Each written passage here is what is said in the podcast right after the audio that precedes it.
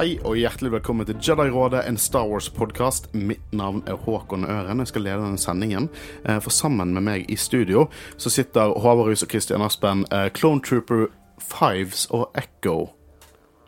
Sitt svar fra Bergen. Var det riktig formulert? Uansett, dere er kloner. Er dere happy med det? Jeg ble så redd for første gang, for Håvard ble så fornærmet når jeg kalte han Binks. Og jeg var det Christian som var Jar? Det var jo egentlig opp til, eh, til Jeg, jeg tror jeg tok på meg at jeg var Jar Jar. Ja, ja, ja, men det det er liksom 50 Jar Jar. Men altså, det, det passer. Jeg er distré og klumsete. Så det, Ja, men nå er jo du Fives og eller Echo. ja, begge to. Er- Dere er jo en av de. Vedder på at dere ikke engang klarer å differ se forskjell på de her dere sitter. Ser like ut alle Nei, sammen. de er kloner. Uh, uansett. Nok tull. Fordi vi eh, skal snakke om eh, noe stort. Sesongfinalen av eh, Endor. Eh, altså Endor episode 12, eh, Ricks Road. Eh, by the way, du hører på Jedi-rådet episode 117. Det begynner å bli et par eh, episoder nå. Men gutter, hva synes vi om eh, episode 12, Ricks Road? Det bar veldig preg av at det var en uh, sesongfinale. Det var liksom Alt hadde leda opp til dette, og det var på en måte noe som ble konkludert, noe som ble teasa videre, og liksom bare bygga enda mer opp til sesong to. Og eh, ja, jeg syns det var en god fin avslutning på sesongen. God, fin avslutning.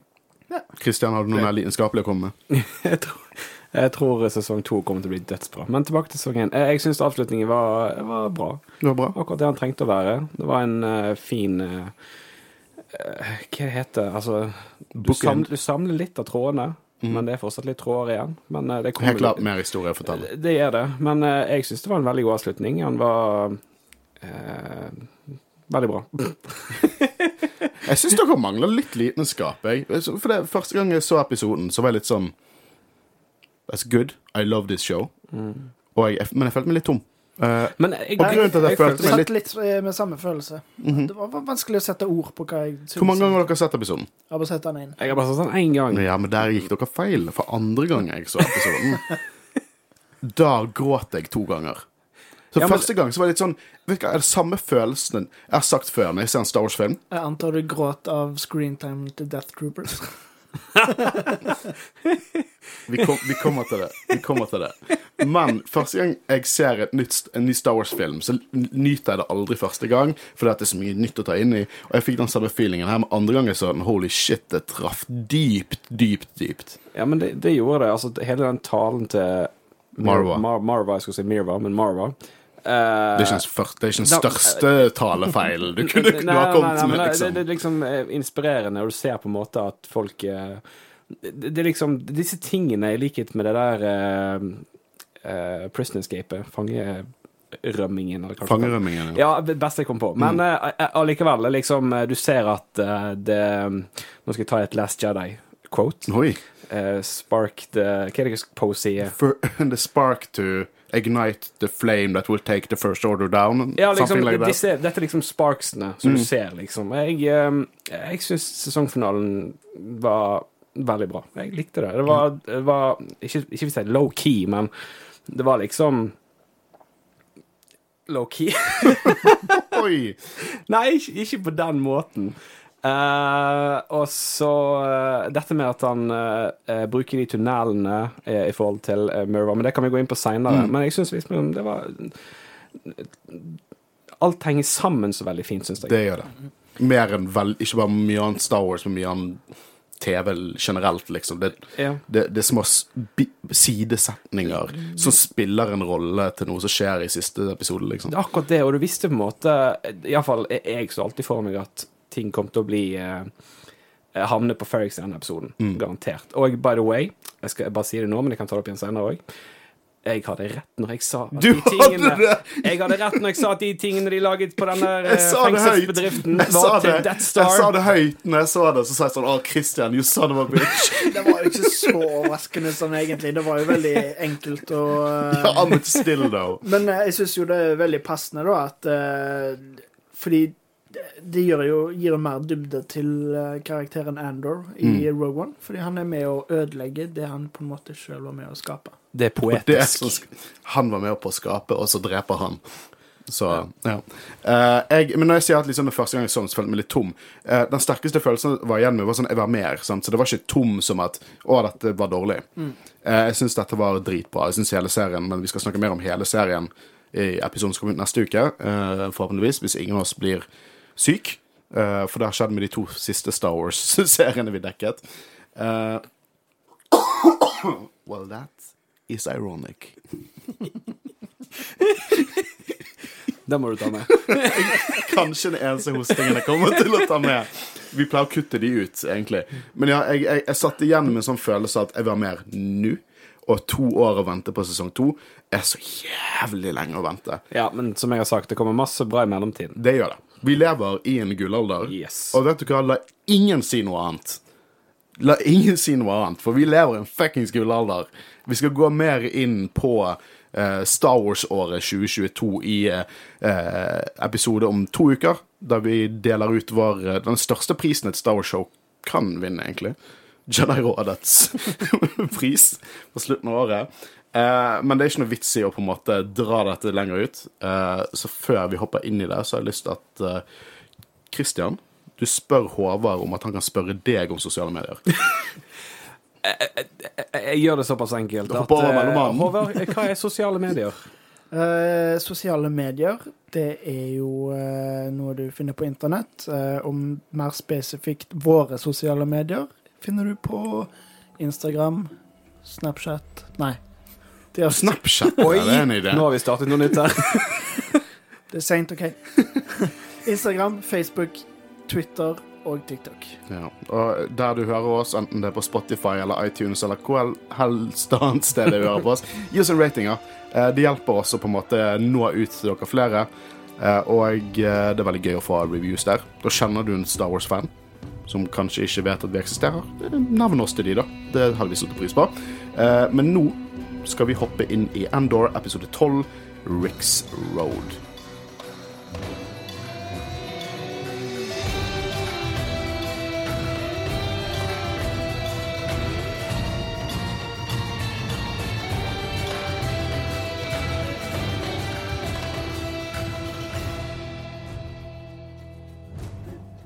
Gutter, hva er det som står foran meg?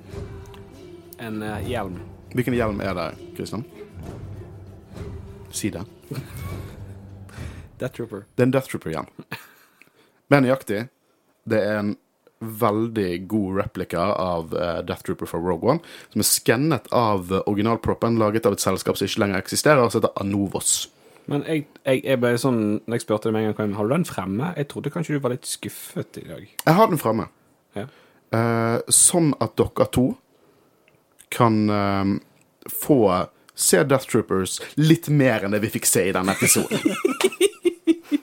Her får dere faktisk stirre på denne nerfede trooperen som Star Wars Cannon skapte, men ikke vet hvordan de skal behandle. Men vi kommer tilbake til det. Men jeg må bare spørre, eh, for jeg husker ikke fra traileren. Er det sånn at det var mer ut av de Var det noen scener i traileren? Det viste basically 50 av alt vi så de i traileren, Å ja, liksom. Så ehm, ja. Det, det, det, jeg spurte en kompis av meg. Mm. Du vet hvem du er, Marius. Uh, jeg spurte han Uh, Han har veldig like meninger som meg i, i Star Wars. Vi er sånn 95 samme person når det gjelder Star Wars-meninger. Uh, og jeg spurte han før jeg fikk sett episoden, for jeg hadde en travel dag og fikk ikke sett det før på kvelden. Eh, ingen spoilers. Kommer jeg til å like det jeg ser? Og så så han på meg så sa han du kommer til å like 99% av det du ser. Oi. Og det er 1% du kommer til å aktivt mislykke mislike. Vi kommer til det. Jeg vil bare hype opp en rant som kommer litt på slutten av episoden angående Death Troopers. Mine favoritt-troopers. Men Du kommer til å se det en annen gang. ja, de skylder meg en egen serie som kun handler om Death Troopers nå. Men episode 12, Ricks Road. Eh, denne episoden, alt er på Ferrix. Alle tråder samles. Perfekt, syns jeg. Eh, så denne episoden så går vi kronologisk gjennom hele driten. Ikke hopp fram og tilbake mellom karakterer. Alt er på Ferrix. Hele Jedi-rådet er på Ferrix. Eh, og eh, en første ting jeg har lagt merke til, og det er sånne ting jeg har på en måte tenkt litt på de ulike episodene Intromusikken endrer seg. Få nytt tempo, andre instrumenter for å gjenspeile det vi ser i episoden. Jeg har hørt litt eh, på en måte når jeg har sett det, at det er noe forskjell, men jeg har på en måte ikke hørt alle rett etter hverandre. Men eh, jeg tror det er at de er ulike i hver eneste episode. Mm. Jeg leste òg at uh, hvis du hører gjennom uh, Sammenligne introen med den der uh, korpsmusikken eh, de spilte i den paraden til Marvel i dag, så er det samme tema der. Ja, jeg synes å høre noen like toner der, men det kan hende det var introen som lurte meg. Men ja, for der var det korpsmusikk. Apropos korpsmusikk. Eh, er dette det mest badass marching bandet vi har sett sånn noensinne? Det er i hvert fall eh, noe helt annet enn uh, sånn skolekorps. De, de fikk det til å høres uh, bra ut, og jeg likte òg at det var liksom bare Sleng på et par ekstra duppeditter på vanlige instrumenter, og så har du Star for Wars-instrumenter. mye av det når jeg ser en sånn kan fløyte bare til sånn seks fløyter ved siden av hverandre. Eller en, en trompet som har bare sånn geometriske, kantete former. Jeg synes var jævlig vittig. Eh, men vi begynner episoden ganske mørk, eh, for vi, har, vi ser Wilmon Park, eh, altså sønnen til Park, som bygger en bombe med et hologram av sin far, Park, eh, da. Salmon Park, tror jeg han het. eh, som ser over han, eh, som er utrolig dystert. Og jeg føler også gjenspeiler litt det der Cassian gikk gjennom når Clem Andor ble, ble hengt på Ricks Road, når The Empire nettopp ble blitt Empire, og hvordan han liksom tok det utover Han klandret på en måte clone trooperne, eller stormtrooperne, eh, for dette. da, Så jeg føler det er litt paralleller der mellom Wilmon og, og Cassian. Eh, og så er det et bare awesome, awesome shot. Det er bare Det er natt. Vi kan faktisk se ting, selv om det er natt. Det er ikke bare shade til Kenobi-serien, det er shade til House of the Dragon, det er shade til så jævla mange moderne filmer og serier der vi ikke kan se en dritt noe er natt. Men det er natt. Det kommer Lambda Class, Imperial Shuttle eh. Eh, musikken er passende. Empire, hvis Dead Drug går ut, etterfulgt av to smoking badass eh, Death Troopers. Og vi kan se hvordan de ser ut, fordi at kameramannen får ikke et anfall. I love it. Eh, jeg elsker hvordan de to stormtrooperne som står vakt der, gir hverandre et look som er litt sånn oh shit. Eh, Death Trooperne er jo liksom Uansett hvordan de er brukt, det er badass å se dem. Og, det bad, og du vet at The Empire, de, de spiller ikke. Når de dukker opp, så er det try hard mode. De lener seg fram i sofaen, for de klarer ikke å slå den ene bossen i God of War. Det er liksom, det er ikke chill nå. Nå, nå, skal de, nå skal de step up their game. Men er de troopers på en måte Hører de til ISB, eller er de bare en del av militæret? Jeg elsker at du spør, for jeg elsker å snakke om Death Troopers. Jeg vet ikke om dere har merket det. Jo, jo, jeg, jeg, jeg mente de var, holdt jeg på å si, eh, de som var bodyguards til ISB. Så uh, Death Troopers er egentlig troopers som ble uh, hovedsakelig brukt av The Tarkin Initiative. Uh, denne her Tarkin think-tanken tanken om hvordan kan vi være scary sånn at vi har mer makt? Det er liksom Death Star, masse shit her som på en måte kommer ut. som blir produsert under Tarkin Initiative, eller Tarkin-doktrinen. da.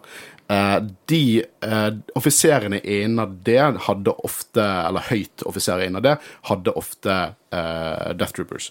Eh, så i Cannon er det der det startet, men det tviler det, jeg tviler ikke litt på at ISB, som også er et jævlig viktig, eh, viktig på en måte eh, Hva heter det? det, det Organ? organ, organ er dette. Det er et viktig organ innad The Empire, så det er ikke usannsynlig at de får tilgang til Death Troopers heller. Vi har jo også sett at uh, i, i, Rebels at Thrawn har med seg Death Troopers, uh, så da har jo The Navy også tilgang på det. Men, så man kan egentlig si at høyt profilerte uh, folk innad i Empire får ofte med seg en squad, eller i hvert fall et par Death Troopers. Og så er det jo på en måte Death Troopers de dukket først opp i, i Rogue One. Har scrambled voices som bare folk som har Death Trooper-hjelm kan høre, og Vader kan høre det faktisk, så han er innebygd i hjelmen sin.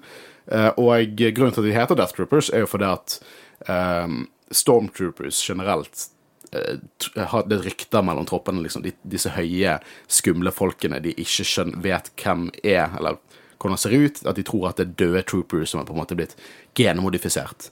Eh, det er bullshit. Det er bare myter innad, in, in universe, eh, som er sterkt inspirert av Star Wars Legends-boken Death Troopers, som handler om uh, stormtroopers, zombier og ja.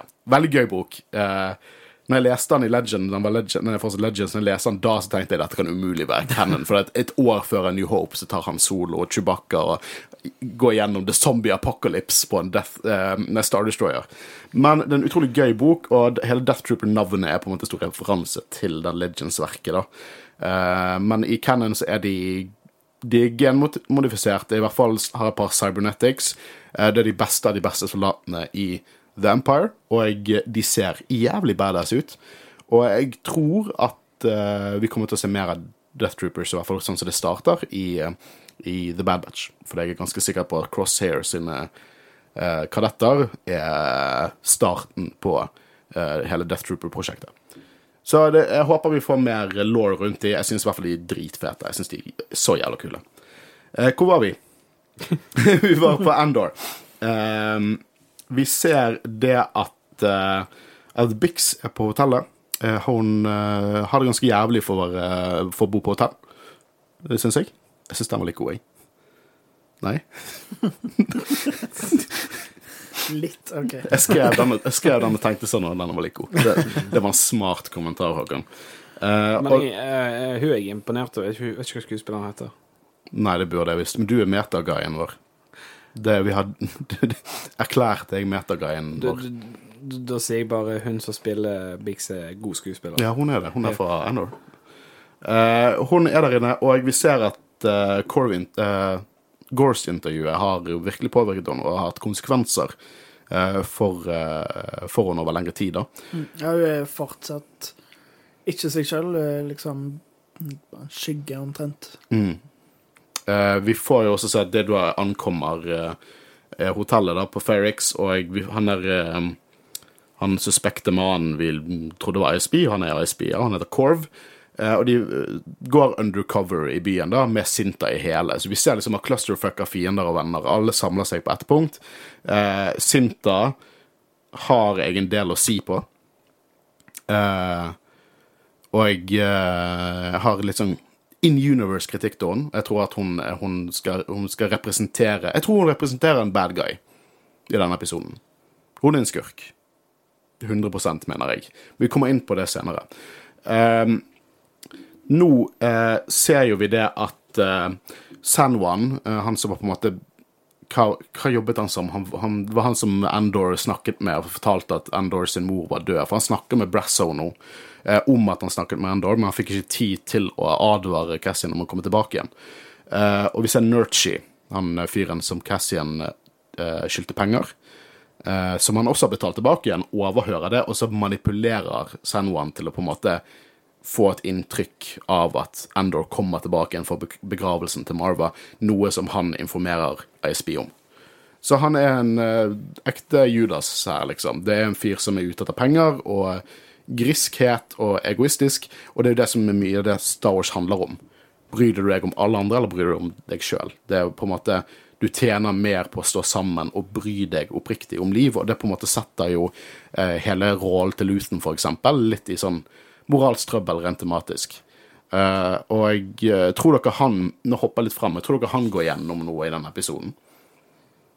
At han angrer litt eh, når han ser Ja, hva Han har jo vært gjennom litt i de siste episodene og vært litt sånn usikker på det Anto Krieger-opplegget også, når han snakket om det så forrige gang. Jeg tror du kan på en måte analysere og tolke det i ansiktsuttrykkene hans. At han på en måte Du ser at han begynner å tenke på situasjonen, Mm. hva som skjer nå, og om han har gjort de riktige valgene.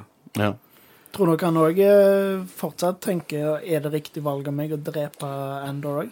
En ting jeg må i hvert fall si før vi går inn på han litt senere men en ting jeg er veldig glad for, er at han ikke døde. Ja, enig, for så vidt. Men jeg bare liksom eh, Det var ikke uforventa hvis det skjedde. Ja, Hvis han hadde dødd, så hadde jeg ikke vært sjokkert i det hele tatt. Nei. Men nå i ettertid så tenker jeg at det er mer å fortelle med den, med den karakteren. Eh, vi får jo et par små scener med Mortimer. Hun er lite med i denne episoden. Og, egentlig de siste episodene så gleder jeg meg til å se mer av hun i sesong to. Men hun er bare jævlig god i spionspillet.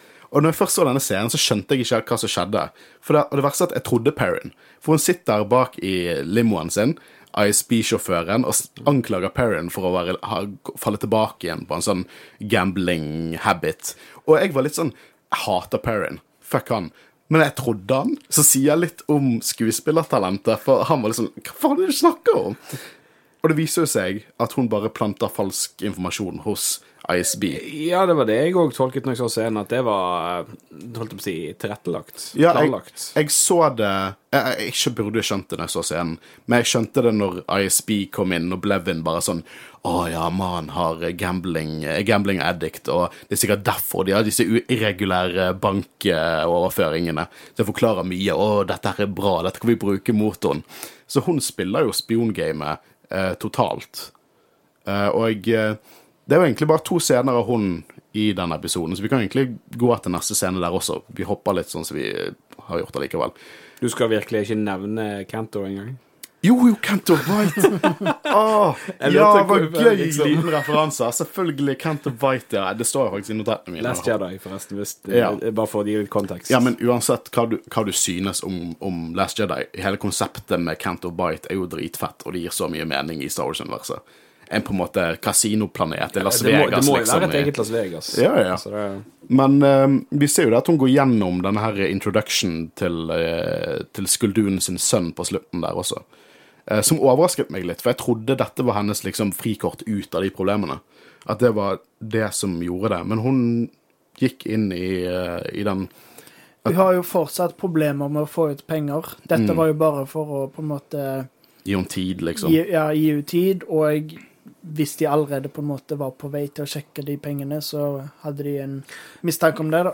altså, jeg følte du var genial på en måte å skylde på at pengene var spilt bort. Mm.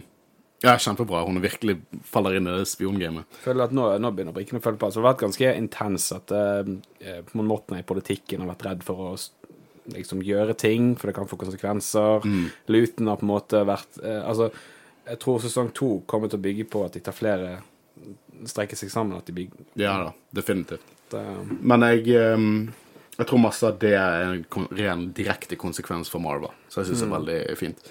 Men det er, jeg vil også kommentere litt på det estetiske her. Jeg elsker klærne til Eller jeg antar det er veldig sånn Chandrillan tradisjonelle klær, siden eh, Skulduden-familien har noe lignende. Men det, det er på en måte De trekker inn så mye fra forskjellige kulturer. Jeg følte jeg så litt sånn kimono, er det det det heter? Vibes der. Og det er så masse forskjellige kult IRL-kulturer som inspirerer liksom Chandrillan-kultur, at det på en måte føles veldig annerledes ut, for det er bare bitte litt av mye forskjellig, så at du ikke er helt klart å sette ord på hva det er du ser. Og jeg føler det er veldig godt designet. Ikke bare hvordan de kler seg, men også hvordan leilighetene leiligheten er designet og alt det der. Jeg syns det er veldig kult. Eh, jeg, vil, jeg, vil, jeg vil se de besøke Chandrilla nå. Jeg vil se hvordan, hvordan ser den planeten ut. Eh, men det var egentlig det vi ser av Mon i, i denne episoden. Så vi kan bare fortsette på Ferrix. Uh, Sinta og Vel. Så Sinta, hun er Ja, hun er For å gå tilbake til Last Jedi, Christian. Hun er hele, ja, men hele, ja, det, ja. Eh, hele Rose-sitatet. Hun kjemper det hun hater. Uh, hun kjemper ikke fordi hun elsker. I det hele tatt. Du, det er greit nok hun er kald mot vel. Hun sier 'Å, jeg måtte følge etter disse opprørerne'. Nei, eller disse Empire undercover-folkene, så derfor kunne jeg ikke finne deg. Og så litt sånn Er hun jævlig opptatt av han Korv i hele episoden. Men hva er det hun oppnår i denne episoden, egentlig?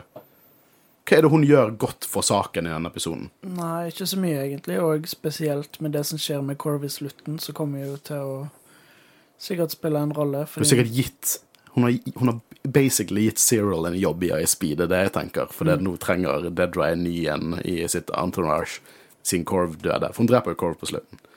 Så jeg, jeg, jeg mener hun er Hun er en skurk her. Liksom, hun, hun er ingenting av det opprørerne representerer, liksom. For, spoiler alert, hvis dere hører på denne episoden, så har dere sett episoden. Forhåpentligvis. Men eh, folk dør i hytt og pite rundt henne. Hun driter i det. Det hun er ute etter, er å drepe denne personen hun hater, fordi at står noe. han står for noe hun hater. Det er en egoistisk handling, det hun gjør. Det er for, det er for, for at hun skal på en måte få noe en god følelse av å hevne seg. Så ja, hun, hun liksom, Det som er ironisk her, og det nevnte Star Wars Explain Cyril han gjør en mer Jedi-ting i denne episoden enn det Sinta gjør. Cyril redder en, liksom. Bare fordi at han, han vil redde hun. Mens Sinta ignorerer all fare, alle som er i fare rundt henne, fordi at hun vil ha hevn. Hun vil føle på det, hun vil ha glede av å få den hevnen. Så ja, jeg mener at serien prøver å vise oss at hun er en bad guy nå. Eh, jeg håper jo at, at hun at, Jeg vet ikke om hun kommer til å ha hun, Jo, de bygger vel opp at hun er på feil vei, og at hun kanskje finner tilbake igjen. Men vi vet jo heller Jeg tror begynner å lure på om hun drepte den familien på Aldani, den Imperial-familien. Det, Vi, vi vet jo ikke hva som skjedde med dem. Nei, men det er ikke umulig, det. Og uh, det, det, jeg tror kanskje det kommer til å føre til enda mer splitt, eh, splittelse i, eh, blant rebels. Og eh, så er jeg spent å se hva som går videre i neste sesong. Mm. Jeg tror Luthen er mer opptatt av at, Eller tenker mer over at han kanskje har håndtert alt dette feil enn det Sinta gjør, f.eks. Vi ser Cassian er på Ferrix, eh, og eh, han oppsøker altså steinen, mursteinen, til sin far, Clem Andor.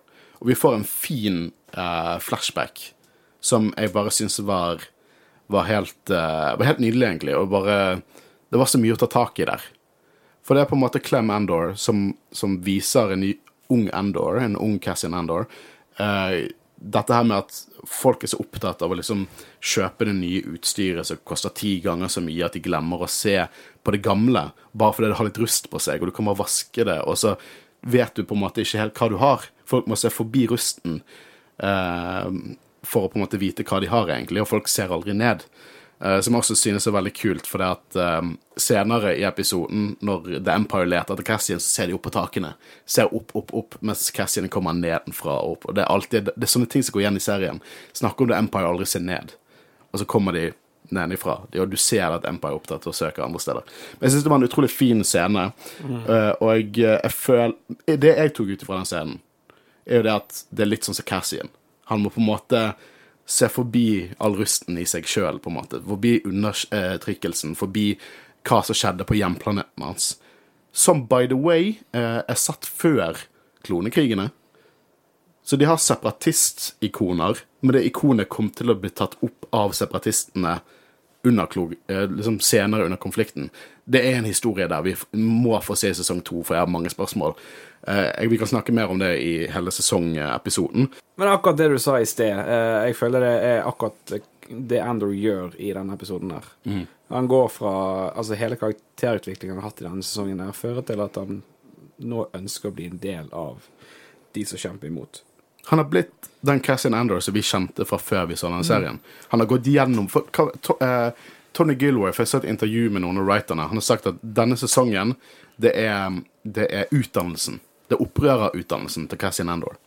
Og vi ser det at han nå ser vekk fra den rusten han har, da, for å vise hva han har å by på. Og, og det kule er at folkene rundt han gjør det også. Så når vi så Endor Cassian i de første episodene, så var han var en byrde. Han var venn, folk likte han, men han var en byrde. Han lånte penger, ga det ikke tilbake igjen. Han ba folk om å hjelpe han hele tiden, og på en måte sette seg i en dårlig posisjon for å på en måte hjelpe han. Og da kom han tilbake når folk aktivt ser opp til han. Han er en leder nå. Eh, og det er bare å sette denne episoden versus første episode, det kalles karakterutvikling, og det er veldig bra gjort. Det er veldig organisk, syns jeg.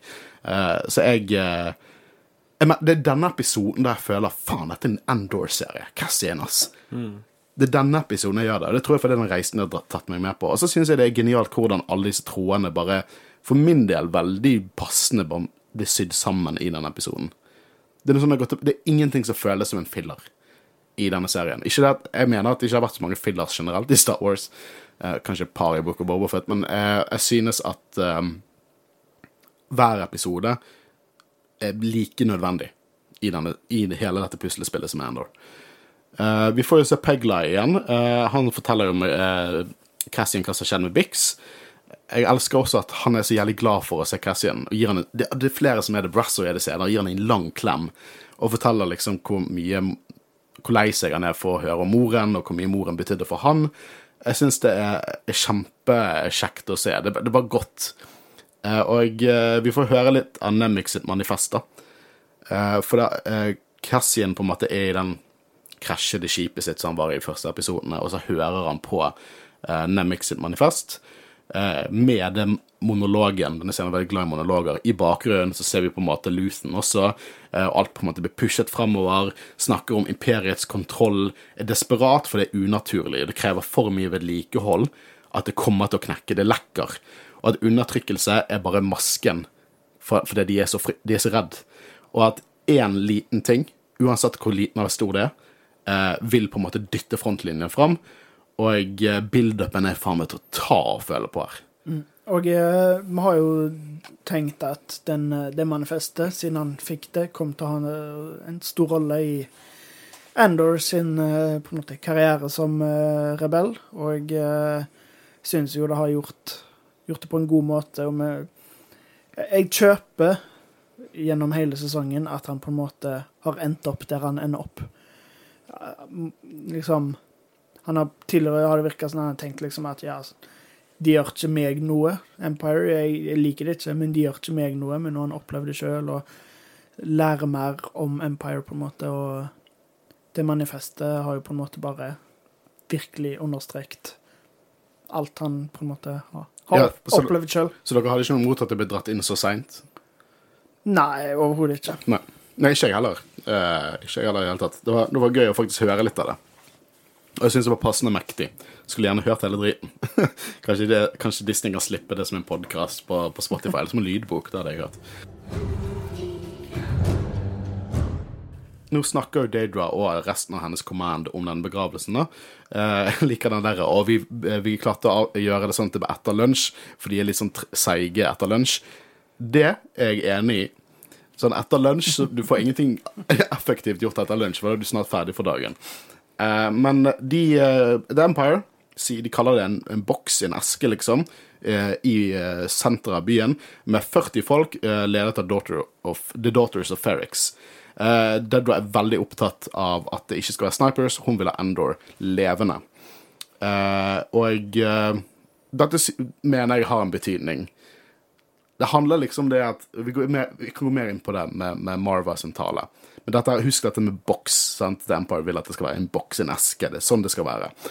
Eh, men vi ser eh, Jeg så en sånn liten puny ass Imperial transportting der det var en fyr som kjørte, og sånn stormtrooper som sto oppå en kanon bak.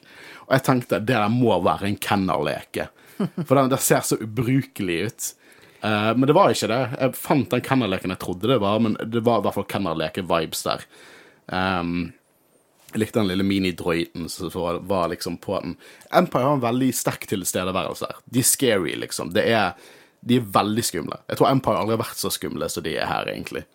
Som gjør det enda mer mektigere når ting faktisk eksploderer. Og de er effektive òg, for en gangs skyld. Ja, og det er jo noe denne serien har gjort veldig bra.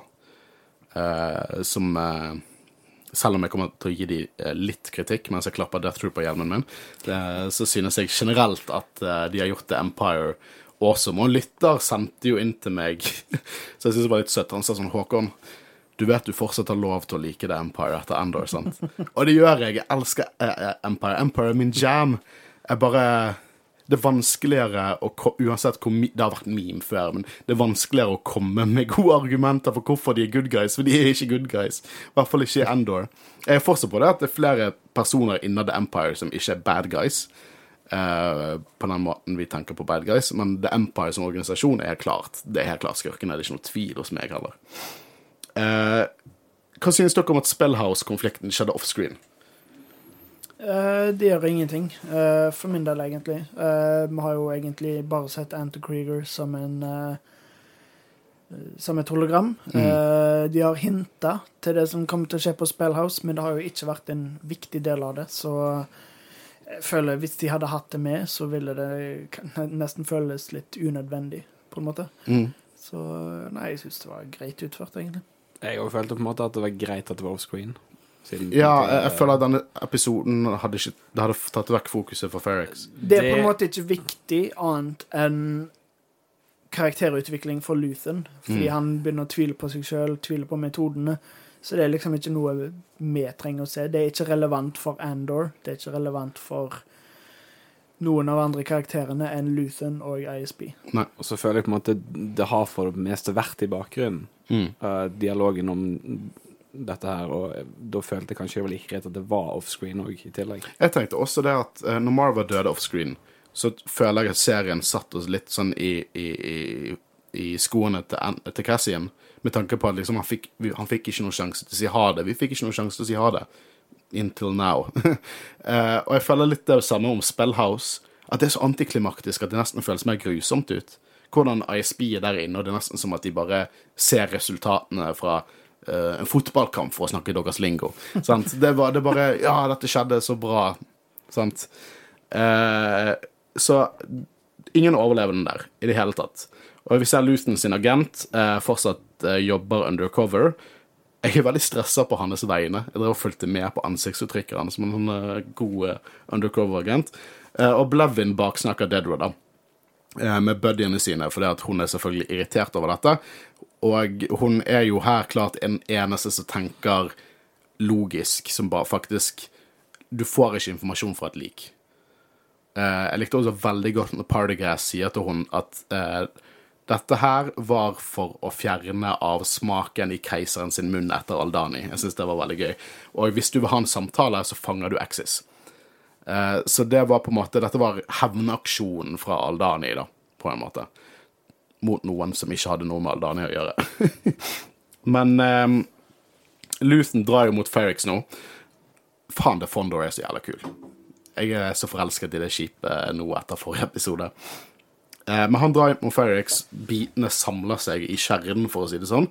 Eh, og vi ser at Corv eh, overser Eller han, han på en måte spaner over huset til Mar Marv Marva, antok jeg det var, og ser Brasso B2 kommer ut. Og da sier han 'We've been played'. For han forventet å se Cassian allerede da. Eh, som jeg syns var litt spesielt. Men Pegla det er han som driver og hjelper Andor her, og her får vi et, en av mine favorittscener her, når, når Brasso møter Cassian. Og her var det også det- dynamikken mellom de før tidligere sesongen var på en måte det at Andor var en litt sånn skiftige, irriterende van til Brasso. Og her kommer det, og det er ingenting som blir sagt eh, Det første som blir gjort, er bare en, Endor får, bare en svær bear hug fra Brasso. Eh, jeg elsker Brasso. Han er som en sånn gentle giant, og hvis du på en måte pusher han nok Veldig softspoken. Hvis du pusher han nok, så er han en fuckings bjørn. Så jeg, jeg liker Brasso veldig godt. Uh, han er en skuespiller, jeg husker ikke navnet hans nå, men han har spilt i en del spill. Så han har stor CV av voice actor i spill.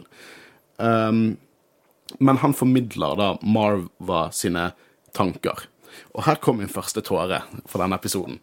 Og seriøst, det er ikke ofte jeg gråter av Star Wars. Elsker Star Wars. Jeg lever for Star Wars. Star Wars er i mine drømmer, og det, det er en veldig stor del av døgnet så er Star Wars i hodet mitt. Nei, men det er veldig rørende scene. På en måte det at han skal gjenfortelle ord som han har blitt fortalt av mer til å fortelle til Andor.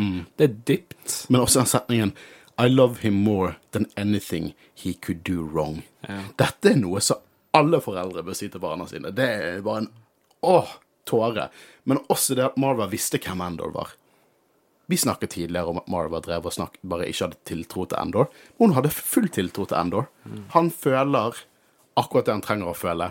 Han vet akkurat det han trenger å uh, vite. Og når det kommer sammen, så kommer han til å bli en us ustoppelig kraft for det gode. Hun har på en måte sett det i Endor han ikke ser sjøl, og på en måte pusha litt på det, da. Uh, så jeg tror at hun eh, gjennom hele sesongen visste veldig godt hva hun gjorde, og hva hun sa og gjorde med Andrew. på en måte. Han, hun måtte bare fjerne rusten hans for at han skulle vite hvem han var. Faen, jeg, denne, jeg likte Cassian Andor i Rogue One. Jeg gjorde det. Men han var liksom Han var en Star Wars en archetype. Han var liksom Han var det, det, det liksom The rebel captain, sant. Men det her Å, faen, jeg kjenner karakterene så mye mer nå. Og allerede nå er det liksom det at hvis Når du I scenen i Rogue One, når Cassian sier til Gin 'Din far hadde vært stolt av deg', Marva hadde også vært jævlig stolt av han. Og det, det, det faen det, det, det, Jeg tror aldri jeg har opplevd at, eh, at For jeg snakker alltid om sånn retroaktiv canon. Sånn at du ser en ting, du ser noe annet som på en måte er backstory til det, og så kommer du tilbake igjen, så kan du få mer ut av den tingen. Jeg tror aldri jeg har opplevd noe så impactfull ret retroaktiv canon som dette har gjort til Rogue One. Og jeg gleder meg til å se sesong to, og jeg håper at de avslutter sesong to som at du bare, det er meningen at du skal se Rogue One med en gang etterpå. Eh, men jeg digger alt dette. Jeg liker hvis den replikken hadde kommet i sesong to. Ja. Altså eventuelt fra han kompisen Brasso. Ja, hvis han hadde sagt det. Hvilken replikk, da? Marwa would have been proud of you. Ja, mm. ja jeg, men vi vet jo at hun ville vært det. Vi Ja, vet det. Og det er så bra. Uh, det gøyeste som finnes i Star Wars, vet dere hva det er? Alt. Nei, men det gøyeste som finnes i Star Wars, det er uh, The Linus Mosk og The Zero Så som diskré bytter hatter på en transport. Og de tror de er så badass, og det er så søtt! De tror de er så kule undercover spioner, og det er så søtt. Jeg er veldig glad Linus Mosk ble med på dette eventyret. Ja, jeg, tok vare på en, eh, på en veldig gøy lytterinnspill om, om Linus eh, eh, som vi skal ta senere. Men eh, faen, det er gøy å se Mosk igjen, altså. Eh, Men de ankommer Ferrix, da. Eh, Vi ser nå at Nurchi overser Pegla, og jeg antar da at Pegla skjuler Endor oppå dette loftet han ser. Så han eh, går jo rett til Corv og jeg, eh, og sier liksom 'arrester meg, jeg har mer informasjon'. Double the reward, hele pakken. Uh, Luthen og Vel møter hverandre, faktisk. Uh, og de snakker litt om sånn, ok, hvor vil, de skal fortsatt drepe Endor. Det er fortsatt planen deres. Og hvor vil de ta Endor hvis de får tak i den? Hotellet? Ok, der er hotellet targeten vår. Uh, og jeg, han snak, sier også det, hva er det Sinta gjør? Det er der hun må fokusere sine efforts. Eh, de snakker litt om Dedra også. Hun er helt klart en trussel i, i deres øyne. Eh, og de snakker litt om dette, jeg liker det veldig godt. De snakker om at nå begynner liksom alt dette om et par timer, og så begynner The Time Wrangler og slår på sin eh, anvil uh, og bare kickstarter det hele. Og du hører den trommingen konstant gjennom resten av episoden, og det er dritfett. Uh, jeg vil ha en hot toys av The Time Wrangler. For han gjør badass shit hele tiden. Han ser badass ut. Han, han er en fyr som er glad i jobben sin, han er profesjonell. Eh, jeg er ganske sikker på at den Anvil er laget av Beskar. La dere merke til det? Uh, jeg tenkte faktisk på det, lurte på hva det kunne være. For det hadde liksom litt samme Swirly-viben. Ja. Damaskus-stål-viben som Beskar har. Uh, men det gir jo mening hvis det er Beskar. Da. Det er jo helt klart en kulturelt viktig ting for, for hele Ferrix. Eh, så at de hadde liksom hatt noe så verdifullt oppi det tårnet som de hører hver dag, som jeg klart betyr mye, fordi de hadde gir jo mening. Så jeg, jeg lurer på om det faktisk er Beskar. Min headcanon er i hvert fall at det er Beskar. Det er ikke merke på den etter total tromming, da, så det gir jo mening. Eh, og nå får vi se The Marching Band. Eh, og jeg eh, elsker det. Elsker stemningen, build-upen. Det er noe som Tony Gilroy har klart i denne serien. Konstant build-up. Og vi, vi ser det på en måte på Aldani. Vi ser det i de tre første episodene med den der The Sound of a Reckoning. og Vi ser det i Narkina 5-arken, og vi ser det her. Uh, og jeg syns det er, er dritbra. Og jeg digger hvordan Empire De er ikke klar. De, de får panikk. Akkurat sånn som det, er- eh, Power does not panic, og vi ser det totalt i den episoden. For de skulle ikke komme nå. Hvorfor er de så mange? sant? Og eh, Endor er oppe på dette loftet får full oversikt over alt. Og så kommer det marching bandet inn. Og marching bands Hva tenker vi? Har dere store følelser om marching bands? Er dere marching band-kondisører, liksom? Jeg vil ikke akkurat kalle meg en kondisør, men det er Det er veldig mye kult der ute. Jeg føler Har du sett Drumline? Nei. Drumline er en film, og det er, ganske, det er ikke så god film. Men de bruker ekte marching band. Det, det, en sånn, det handler om en trommer i en sånn marching band som spiller før fotballkamper i USA. Og det er jævlig imponerende. Det er så sykt imponerende. Det er badass, det. Ja, for jeg føler korps har liksom Det har et litt dårlig eh, rykte basert på eh, liksom sånn sure 17. mai-sanger med en gjeng med barneskoleelever som egentlig ikke har lyst til å være der. Nei. Men når, du, når det er skikkelig flinke folk, så er det utrolig stilig hva de kan få til ut av eh, sånne messinginstrumenter. Jeg spilte saksofon i marching band. Men jeg var en av de der som ikke ville være med, som ble tvunget til å være med. For det er min søster, hun, eller begge mine søstre, hadde hatt en litt sånn dypere karriere inn i skolekorps-gamet. Eh, men uansett, uh, ja. Så det liksom, skolekorps er kult. Jeg har historie backstory der. Men uh, jeg vet ikke om jeg ville kalt det så badass som jeg har sett her. Det, det føltes som et opprør. Det føltes liksom som krigstrommer gående inn mot slaget. Eh, eh, dritfett. Og det virker som at hele byen sørger Marva. Dette er langt mer enn 40 folk. Og, og Park sin sønn joiner toget. eh, Og eh, vi ser da at Janis Tigo, Eh, han er eh, kapteinen, prefekten vi har sett innimellom. Eh, han, er, han, er, han, er, ikke så happy. Han vil ha show of force for å på en måte dytte disse folkene inn i den boksen som de krever at de skal være i. Og jeg, jeg la også veldig merke til noen av disse Ferrix-veteranene De går med sine egne uniformer, og alt kule, men noen av de veteranene med det svære skjegget som bare så superbadass ut. og jeg, vi ser Imperial Grunts. Veldig Death, nei, Mud Trooper-vibes eh, sånn som vi ser i Solo, eh, som også igjen gjør at The Empire, hele kampen blir mer personlig, som vi ser fjeset til The, The Empire, og uh, gjør at liksom sånn som Death Troopers og Stormtroopers virker mer formidable, fordi at de må være noe mer elite enn de vanlige soldatene. Så det er veldig stilig. Men vi ser at Ferrix er samlet på ett sted, uh, og Cassian ser Luthen i mengden, så det er på en måte super, det, det er veldig tenst, dette her. Det skjer jævlig mye. Jeg har, aldri, jeg har, ikke hatt så mange notater på noen av disse ukene som jeg har på denne episoden. Og det er bare build-up her. Nurchi har informert uh, om hvor Corv er, uh, og som to Death Troopers og Dead Dry undersøker, som er dritskummelt. Uh, og uh, Luthen kjenner Cyril, som også er der i folkemengden, og B2 leder toget. Der også var det en tåre fra meg. Åh, oh, det er bare konge og vi ser Brasso i uniform med mursteinen til Marva. Og her er noe kult, som er litt skjult. For vi vet jo before Yavin, Battle of Yavin og after Battle of Yavin. Typiske eh, på en måte måten for oss å finne ut hvor i tidslinjen Star Wars er satt. Det blir vel bare brukt utenfor universet? Jeg tror det kinda blir brukt innad universet når det er satt etter Yavin. Det kan jeg ikke eh, for, for, min del så det Det hadde vært rart hvis de hadde Før, ja. The Force, vet du. Men ja, jeg tror det, det, for min del er det en metating, og det er veldig enkelt å holde styr på det, For det at null år før New Hope, x år etter alt det der. Eh, men nå får vi se en In Universe-måte å markere årstall på. Eh, den er veldig interessant. Den kalles CRC-systemet, eller eh, The Hosnian Reckoning-tallsystemet.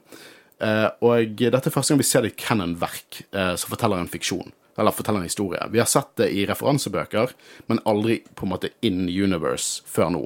Det er på murstein til, uh, til Marva. Der står det at hun døde i 7972. Syvtallet før, det er årtusenet, og så er det året etter det.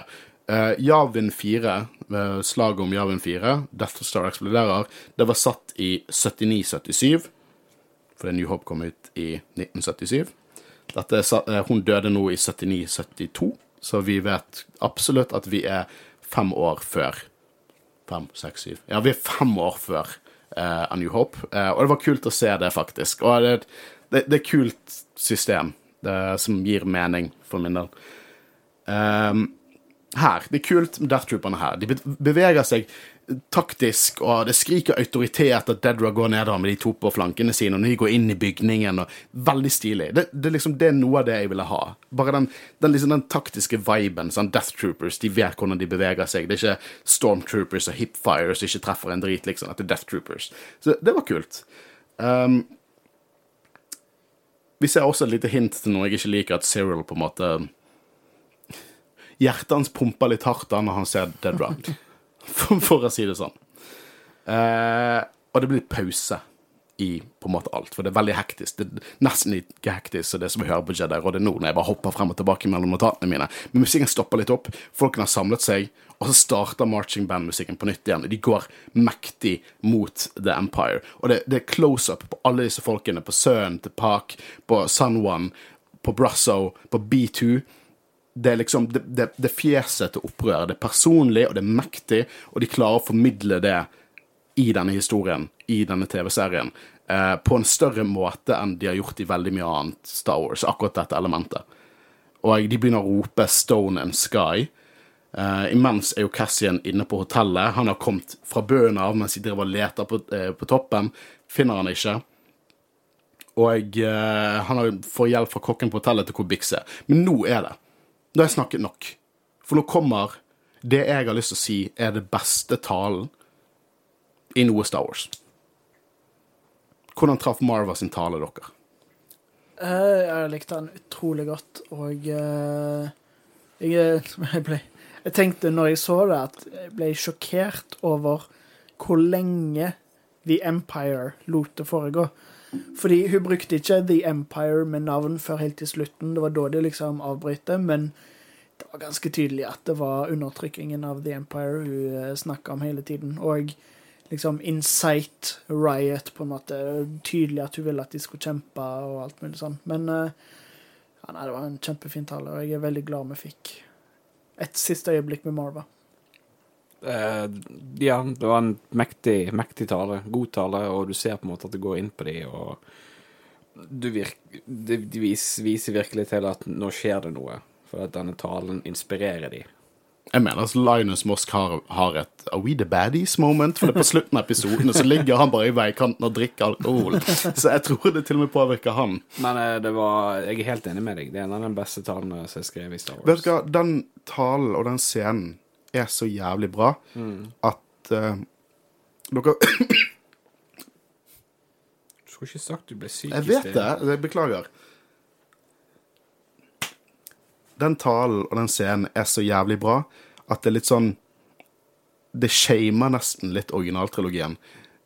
Akkurat på det elementet. Originaltrilogien Empire Strikes Back det eneste Star Wars jeg mener er perfekt. Eh, Det eneste ti av ti jeg har gitt en Star Wars, er Empire Strikes Back. Jeg synes, det, det, jeg har ikke gjort skjul på det i det hele tatt. Men jeg liker Empire Strikes Back veldig liksom, Originaltrilogien veldig på det der eh, Jedi versus Sith, liksom The Hero's Journey, det klassiske storytellingen. Men hvor ofte har vi fått en tale? Hvor, hvor ofte har vi funnet ut liksom Hvorfor er det Empire the bad guys? Annet at de sprenger shit, liksom. Hvorfor er Empire the bad guys? Så fundamentalt, hvorfor er de the bad guys? Noen generaler som holder taler, originaltrilogien og annen Star Wars for den saks skyld. Eh, men det liksom De går liksom ikke inn på dette her Hvorfor? Sant? De har liksom Å, det er reaktoren er på to meter, liksom. Det, og ingen elsker originaltrilogien. Originaltrilogien er min barndom. Det er der min Star Wars startet. Selv om jeg så Attack of the Clones først. Det er originaltrilogien som var på en måte my jam, og fortsatt er my jam. All Star Wars er min jam, egentlig. Men dere skjønner, vi er originaltrilogiere, liksom. Det er der vi på en måte vår fandom startet, sant. Men her får vi se noe så jævlig mektig. Noe som for meg, mannen med en Death Trooper igjen foran seg og tatoveringen eh, Imperial Cog på armen, da får jeg til å tenke fuck them up. Liksom knus disse jævla Sorry, jeg holdt på å si bad word der. Men knust de og føle på det. At jeg liksom Jeg hadde, jeg hadde løpt mot The Empire i den scenen, jeg også, på grunn av den talen. Og det er så awesome å snakke om hvordan vi har sovet. Vi har sovet, og de har sovet, fordi de har vært der på Ferrix, vært fornøyd med, sitt, e- med sine egne, og eh, så har de på en måte hatt dette corporate premore, corporate-systemet, sånn at de slipper å ha noe direkte kontroll med, med The Empire. Men The Empire her, og det, det er på en måte ting du kan ta inn i IRL, da. Det er liksom, The Empire vil at de skal de skal passe. De, de skal være inni denne boksen, denne esken, sånn som jeg refererte til tidligere. Og, eh, og de skal være liksom imperial. Men dette, dette er Ferrix, for fuck's sake. Sant? De, de skal være seg sjøl. Og de skal stå imot The Empire på den måten. De skal ikke bli definert av disse undertrykkerne. De skal stå for seg sjøl. Det er veldig sjeldent jeg har fått så blitt så hypet opp av opprør i Star Wars som fordi at de skal stå opp sammen med hverandre for, for sin eget sted. Det er ikke noe sånn The Heroes Journey at å, jeg gleder meg til å komme vekk fra Tatooine. Nei, de vil være på Ferrix. De vil at Ferrix skal være deres, at Ferrix skal være fri. Og eh, faen, den talas. Eh, jeg syns det, det Her kom også tårer. Eh, jeg syns det bare var dritfett. Og så zoomer de inn på Bix, som begynner å bli litt mer seg sjøl og gråter når hun hører, hører Marva. Det her kongene, så avsluttes det liksom med, med liksom Fight Empire. Og så tar Tigo og dytter B2, og da liksom Å, fuck. det er sånn Det er mye Empire har gjort mye fælt, men der går grensen, altså. Kanskje sparka B2 over ende på den måten. Jeg ble oppriktig talt sint. Jeg sa oh, jeg, jeg sa sånn oh, no, no, no, no, no. Og så tar Brasso det første slaget mot Empire med mursteinen til Marva, som var så jævla poetisk. Jeg ble mer og mer forelsket i denne episoden jo mer jeg snakker om det, merker jeg. Eh, jeg synes, Fy flate faen. Og that is the sound of a reckoning. Og dette med å sove også. Den sier sånn, De har sovet, de har ikke, de har ikke brydd seg. sant? De har gått ut etter noen som, som på en måte The Empire har ikke plaget oss. De har plaget alle andre, men ikke oss. Men nå på en måte nå må vi gå sammen og slå imot dem. Og vi har sovet og ignorert det. Og det, vært, det er sånn throwback til hvordan Nemik sa til Andor. Hvordan kan du bare sove? Han ikke trodde på saken, så bare sov han. sant? Ignorerte saken. Saken har jo ikke med han å gjøre. Han skal bare være her for å få penger. Så er det Narkina 5. Våken, for nå omhandler det han. Så viser bare det at Cassian er en opprører nå. Og det er en tematisk sånn rød tråd gjennom hele denne serien. Eh, jeg syns det er veldig bra. Eh, og jeg, hva er det som må si her, da? Det er jo en kaotisk konflikt. Jeg må si at The Empire her er scary, spesielt når de får panikk. Og eh, Stormtroopers og Blasters har aldri følt det så brutale og dødelige som det har gjort her. Mm. Og det blir jo fullstendig kaos òg, fordi eh, Nå har jeg glemt navnet, men eh, sønnen til han som ble hengt Ja, Pak. Park eh, kaster jo den bomben han lagde, og det setter jo opp en kjedereaksjon med granater, og det er liksom røyk og skudd overalt, og det er fullstendig kaos. Og eh, en veldig stilig regissert scene, egentlig.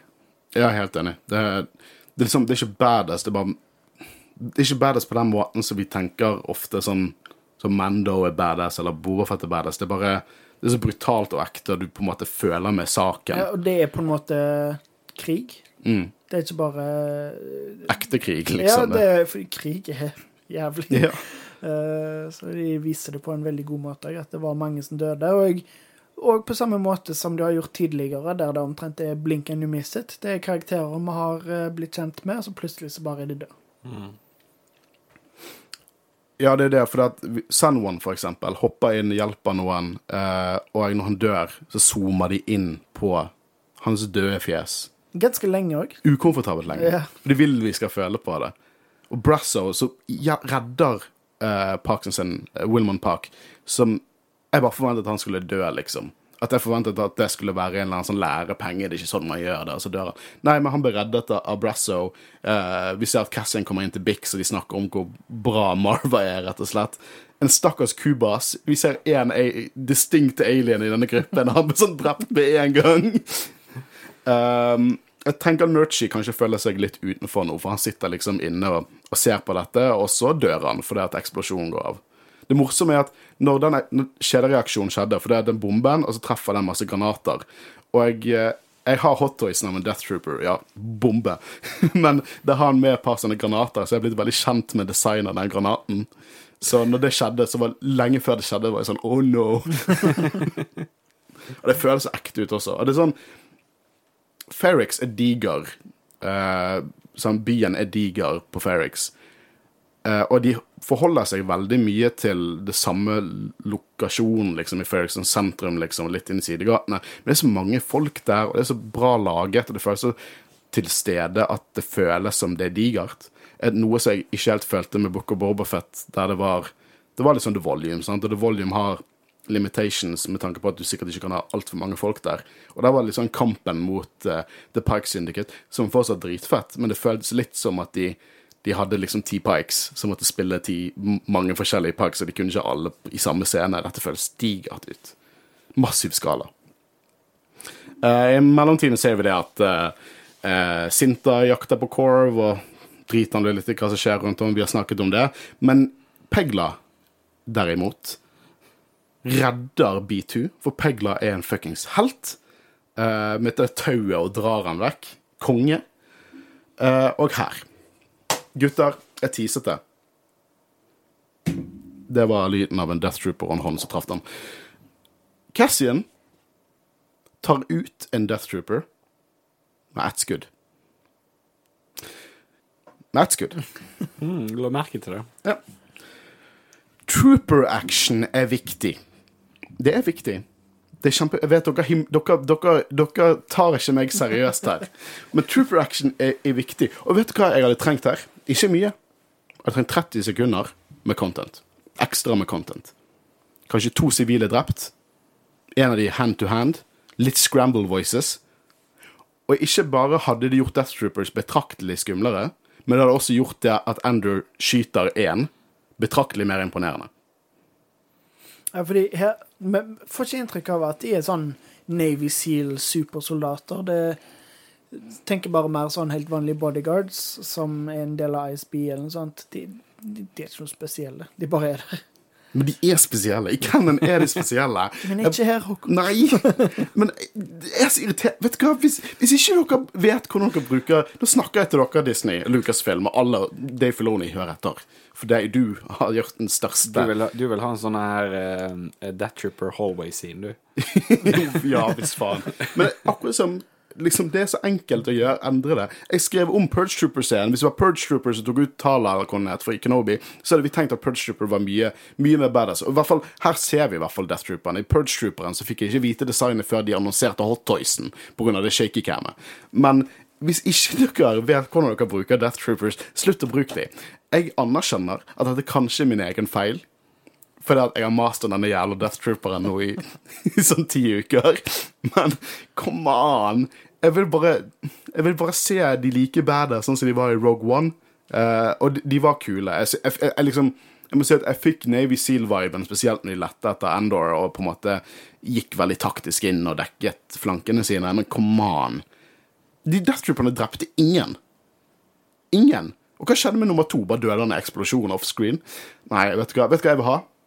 Eh, jeg vil ha et sånn Imperial Commando-spill, som en sequel til Republic Commando, bare canon, der du spiller som uh, Death Troopers. Skulle vært sånn online mode eller et eller annet sånt du hører sånn blablabla, sånn som de snakker til hverandre. Det hørte vi heller ikke, og det ville jeg hørt. Uh, og så kan du se sånn at the Scramble ble oversatt liksom i hjelmen din. Det var dritfett. Trooper action, ass. Det er kjempeviktig. Det er kjempeviktig.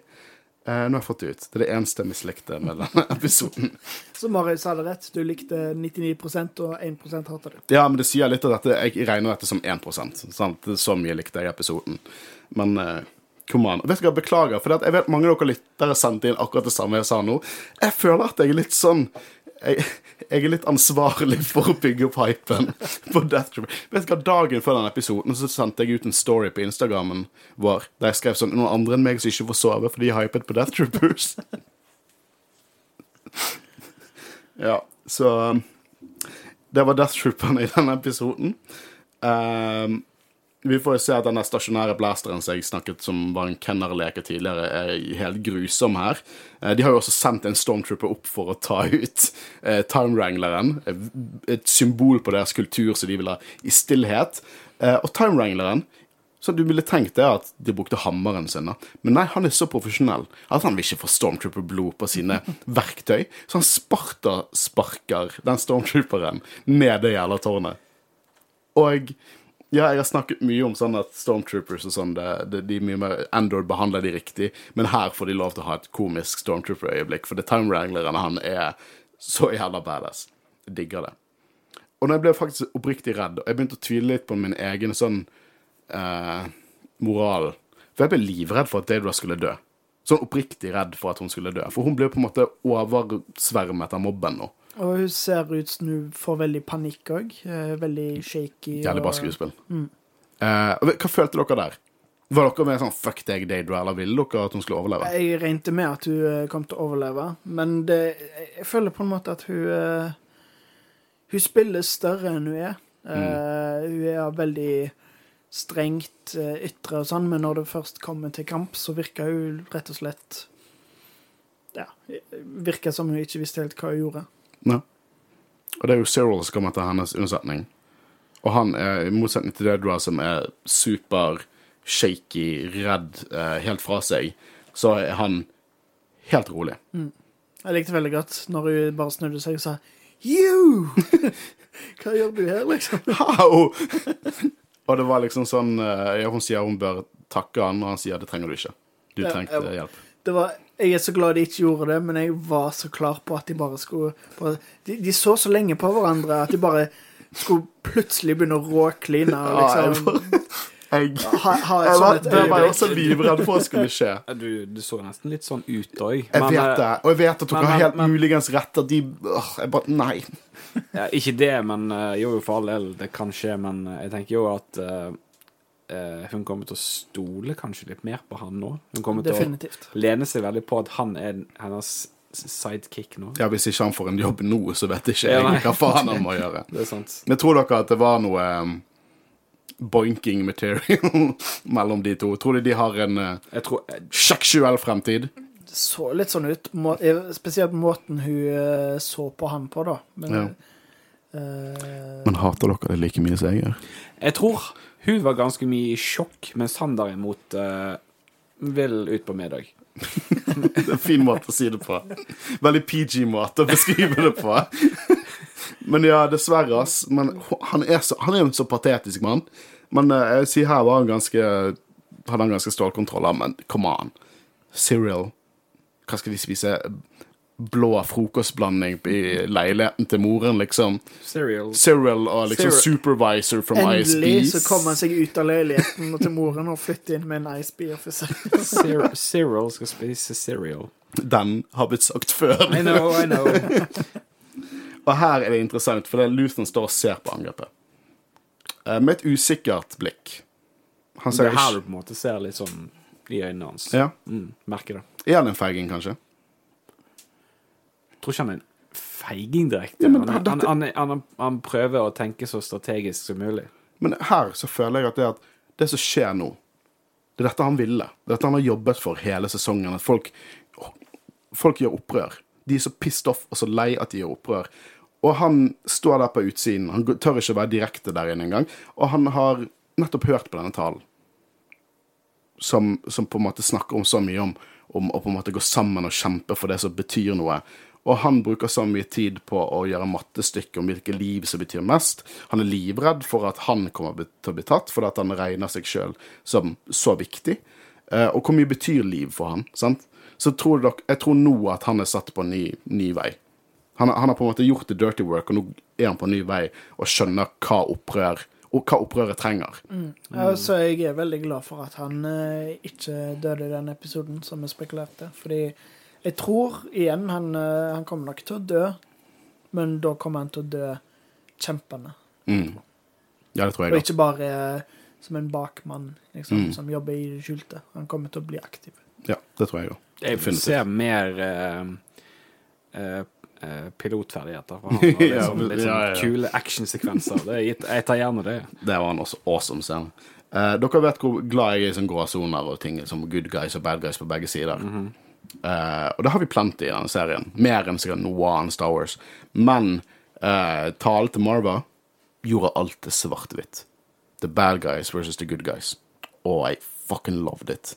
Jeg elsket hvor svart-hvitt det. Jeg elsket hvor mye jeg bare Opprøreren, ass. Shit. Denne episoden gjorde mer for meg enn det alle andre Star Wars har gjort for, for på en måte Opprøret, badass, ass. De er der, kjemper for noe bra. De, de på en måte står sammen. Rogue One også, ironisk nok, eller passende nok, gjorde det for meg. At faen, opprørerne er ganske badass. Uh, jeg, her så digger jeg det. De, de på en måte De får frem andre følelser enn det Håkon Øren pleier å ha om Star Wars. Kommer du til å uh, tatovere et kryss over uh, logoen? Nei, fortsatt Empire uh, my jam, ass. Um, Sint har vel gitt ut derifra faktisk noen små hint til Vel sine følelser om Sinta. Jeg tror ikke eh, de er A-OK som par, for å si det sånn. Hele den der 'du har blod, blod på deg', og det er ikke mitt. Vi ser det at eh, Jess, en av datterne av Ferrix, som vi får vite er en social club som eh, Marva var president over, uh, Wilman Park, Brasso, B2 og Bix samler seg på det skipet Andor brukte i starten, da han gjorde, utfor, utførte dette mordet som startet alt dette, og de ender opp på det samme skipet. Og jeg, eh, her elsker jeg hvordan Jeg elsker alle disse karakterene. Og det er mange som bare var så vidt med. Pegla, han er min helt. Elsker Pegla. Brasso, awesome. De var så lite med, men allikevel så gjør de stort impact. Mye fordi jeg tror på viben, regien og ikke minst skuespillet.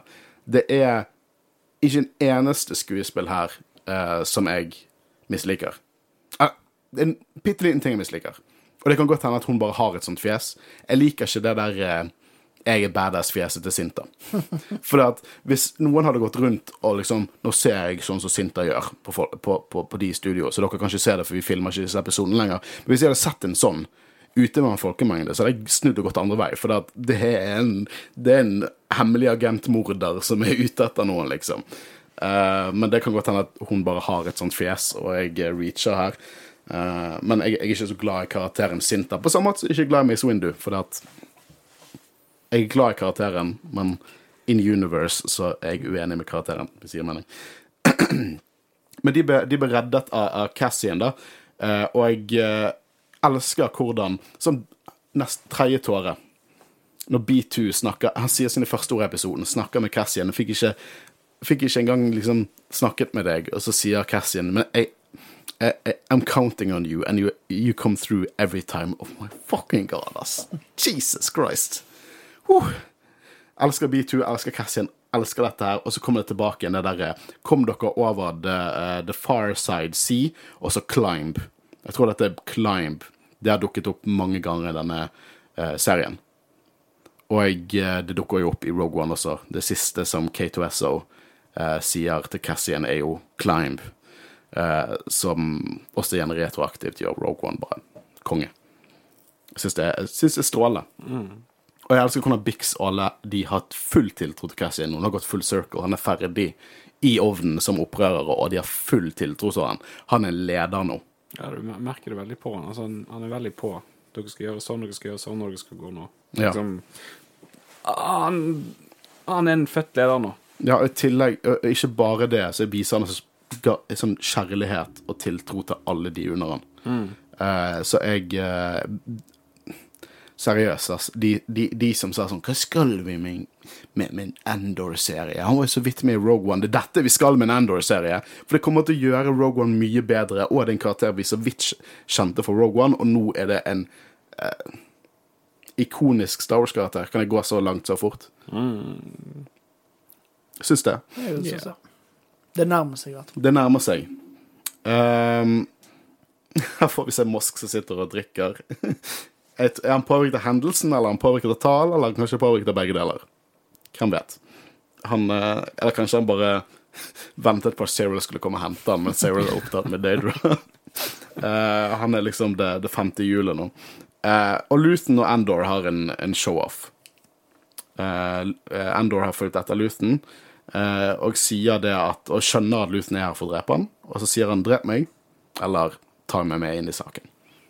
Det er litt sånn trust exercise òg. Men jeg avslutter med at Luthen har et, eh, et lunt smil, da, så vi Jeg tror ikke Endor dør. Nei, det hadde jo vært litt uh, Ja.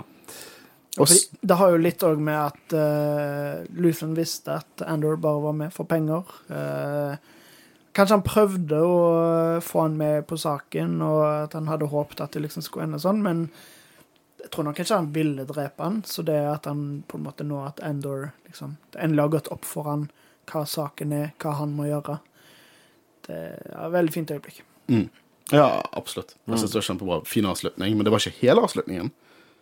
Fordi at Jeg eh, følte òg det var, en, altså, det var en god avslutning og en fin liten cliffhanger. Ja, mm, enig. Enig. Det er liksom god uh, avslutning på kapittelet som var sesong én, men det er mer i vente. Yes. Eh, og så kommer rulleteksten, og så får vi se eh, Og jeg innrømmer når jeg tar feil. Eh, jeg mente jo at de tingene de bygde på Narkina 5, var bare vi Det er ikke viktig hva det er, vi kommer ikke til å vite hva det er. Men jo. det er deler av The Death Star. Kristian er ikke så ydmyk her. Han løftet opp hendene sine som Star Wars og Jesus nettopp, men han hadde helt fuckings rett. Call da. Ja da. Jeg innrømmer- at jeg tar feil. Eh, som er jo veldig ironisk. Ja, Den, den for, for, Jeg syns det var litt dope å se den scenen. Det var kjempedope. Det var dritfett. Var aldri lei av å se det. Så liksom The Murder Ball itself. Det er awesome. Kult liksom å se konstruksjonen. Og vi Vi, har, vi har jo sett litt før, holdt jeg på å si, men ja, men vi vet jo det at The Death Star er jo Hold-upen her er jo Gale Erso sitt prosjekt. Det er superlaseren som på en måte Det er det som gjør at dette tar tid, Ja. og det er det som gjør at det ikke tar så lang tid fra å bygge Death Star 1 til Death Star 2, fordi at de har allerede teknologien. Uh, men det er utrolig kult, og det viser jo det at de bygger opp mot Rogue One. Det er ikke bare en sånn spirituell prequel, det er en prequel til Rogue One. Og det underbygger dette at den er veldig knyttet til Skywalker-sagaen, sånn at Endor nesten argumenterer blir liksom essensiell eh, seing i en maraton, kanskje. Men det var sesongfinalen. Eh, hva sitter dere igjen med nå etter en liten diskusjon? Nei, jeg gleder meg veldig til eh, sesong to. Eh, Er du litt deprimert nå? Jeg er litt, ja. Uh, Det er så lenge å vente, og jeg, jeg syns det har vært så bra. Eh, denne sesongen var nydelig. Eh, jeg likte den utrolig godt, og ja, det var trist at det var ferdig. Ja, jeg tror vi alle er deprimerte over at det er lenge til sesong to, det er, men jeg syns sesong én har vært dødsbra. Mm. Helt enormt er godt gjennomført. Godt planlagt hele serien, føler jeg. Ja, og den er slow pacingen, så det har vært en slow pace, liksom. Eh, det betyr ikke bad pace, uh, vel å merke, men det har jo virkelig vist effekter for det når det var en så eksplosiv finale som nå, og den var jo så eksplosiv av den reisen vi har vært gjennom alle disse ukene. Eh, jeg er konge. Elsker lengden på episodene. Det var faktisk litt å ta tak i hver episode, og ja. Jeg føler liksom at denne sesongen Altså, de har vært så lang som de trenger å være. De har vært, ja. De, de fleste Star Wars-ting er jo det. Jeg, vet, jeg er litt sånn hykler fordi at jeg har vært litt sånn Oi, nei, men episoden er så lang, som de trenger å være det. Men så blir jeg fortsatt litt sånn skuffet hvis jeg ser en episode 35 minutter lang av Mando, liksom. Det er litt sånn Og så vet jeg at det er sånn syv minutter med, med end credits. Så det, ja. Men vi, vi har klaget på episoder før som på en måte kunne trengt litt ekstra. ja, Kenobi-serien, spesielt episode fire i Kenobi. blant, blant annet. Kunne trengt mer. Um, men ja, det, det, er, det, det, det, det er utrolig kult. Og jeg, uh, som sagt, uh, andre gang jeg så den episoden, så traff den betraktelig hardere enn den første gang. Jeg synes det var uh, Ja. Så jeg, jeg gleder meg til å se alt i ett, jeg. Uh, til neste gang. Uh, Få presse det inn. Jeg vet ikke, dårlig tid fremover. Må presse det inn. Binge det på søndag. Binge det på søndag. Eh, men eh, skal vi hoppe inn i hva våre lyttere synes da? Jeg tenker jeg kan få lov til å begynne nå. Som om ikke folk har hørt noe av min stemme denne episoden. men jeg begynner. Og jeg har egentlig eh, to eh, innsendinger fra én lytter, og de to litt lengre, men eh, det var noen interessante tanker her, da. Den første her er hvordan har det seg at ingen diskuterer datteren til Mon Mothma? Det er ingen som har lagt merke til hvor beskyttende hun er overfor familien sin. Ved hver anledning hun ser moren sin med f.eks. Tay, så blir hun beskyttende og stiller spørsmål til moren. og og om de er sammen. Hun står virkelig på faren sin side, noe som er forståelig ettersom hun så å si aldri er til stede fordi hun er ute og jobber. Lurer på om eh, hun kommer Hun blir gjort noe Gjøre noe dumt tenåringsforsøk til å få Tate å holde seg unna Mon i et forsøk på å holde familien sin sammen. Ja, jeg eh, Ja, det, det er et interessant forhold eh, datteren til Mon Mothma og Mon Mothma har, liksom. Og jeg tolker det veldig som at når hun på en måte går Var litt sånn standoffish til Tay, var veldig sånn eh, Prøver du deg på min mamma, liksom? Så og, og, Jeg vet ikke om jeg ville definert det som beskyttende um, overfor sin mor. Jeg tror det er mer beskyttende overfor sin far, rett og slett. For hun er på dette tidspunktet veldig daddy's girl. Får jeg inntrykk av. Eh, jeg syns det kommer til å være veldig interessant å se den dynamikken gående fremover, spesielt med dette Skuldun-opplegget. Ja, for du så jo på en måte Det var ikke akkurat et smil fra topp til tå, eller noe sånt, men uh, virka som hun var glad, på en måte. Og eh, i forrige episode, det var jeg tror det var forrige episode, så så vi jo at hun kjente de greiene, og så hun er jo en tradisjonell Chandrillan-jente, på en måte. Men hun er også tradisjonell fordi moren ikke er tradisjonell. Um, Og det har en påvirkning. ja, bare fordi at Vet du hvordan tenåringer er, liksom. Ja. Uh, så det er interessant. Jeg vet ikke se hvordan det går, om, om på en måte hvor langt Mon Mothma er villig til å gå i hele det der. Det er jo veldig sketchy for Mon Mothma. Hun er på en måte liksom På dette tidspunktet liksom det det rene. Det, det er på en måte hun som gjør alt rett i opprørerne, for oss opprørerne. Så det blir spennende å se. Ehm, hello there's, fra samme person her. Om ikke dette er det største og beste som er levert av Star Wars, så vet ikke jeg. Og snakker om sesongfinalen. For en oppbygging. En så utrolig vakker levering av hvordan alle trådene som har blitt lagt ut, og var serien endelig blir knyttet sammen. Jeg er så utrolig glad for at jeg så denne episoden her i lunsjen på hjemmekontor, da ingen andre var hjemme. Hadde ønska jeg hadde hjemmekontor den dagen. Jeg kunne ikke, jeg var, jeg var stuck på kontoret. Eh, men jeg skal ikke lyge. Jeg håper ikke sjefen min hører på det, men jeg har kanskje av og til tatt en litt lengre lunsj hjemmekontoret for å se Endor. Eh, Jeg gråt skikkelig mannegråt under talen til Marva. Ingen skam med mannegråt. Det var minst tre mannegråtinger for meg i denne episoden. Bi tok knekken på meg. Same. Har aldri gått så mye av Star Wars noen gang. Same. Hele seremonien ga meg chills, og ikke minst utrolig bra karakter-ark for Andor. Hele transform transformasjonen hans det ble så komplett. Hele fokuset på når Marva eh, ga beskjed til han om I love you more than you can ever do wrong, tårevåt. One Endor dreper vak eh, vakten helt kontrollert og stealthy med å sette blasteren hans helt inntil kroppen for å lage minst mulig lyd. Helt rått. Ja, det tenkte jeg ikke over, men det er noe spionskills, ass. Det er som på en måte den puten, altså pistol over puten. Og i capslog får jeg ikke snakke om når Endor one-shottet en Death Trooper. Du måtte minne meg på det. Alle stormtrooperne var bare fabelaktive i kampscene. Det var kalkulert, presist og effektivt. Ett og ett skudd i, i, gangen hvor hver av dem var fulltreffer. Rått å se. Det er du den eneste som har noe mellom ørene i Empire, så utrolig rett det hun sier. We get nothing from a dead body. Artig å se hun, eh, hun kanskje skal si takk til Cyril. Det var en skikkelig no-kiss-scene. Mon har klart å finne unnskyldninger for peng, eh, pengeovervinninger. Blame it on the husband. Helt genialt. Ja, fuck Perrin. Kast han under bussen. Who the fuck cares about Chad Perrin, ass? Star Wars after credit-scene, hype. Men ja, helt enig, spesielt dette med Stormtroopers.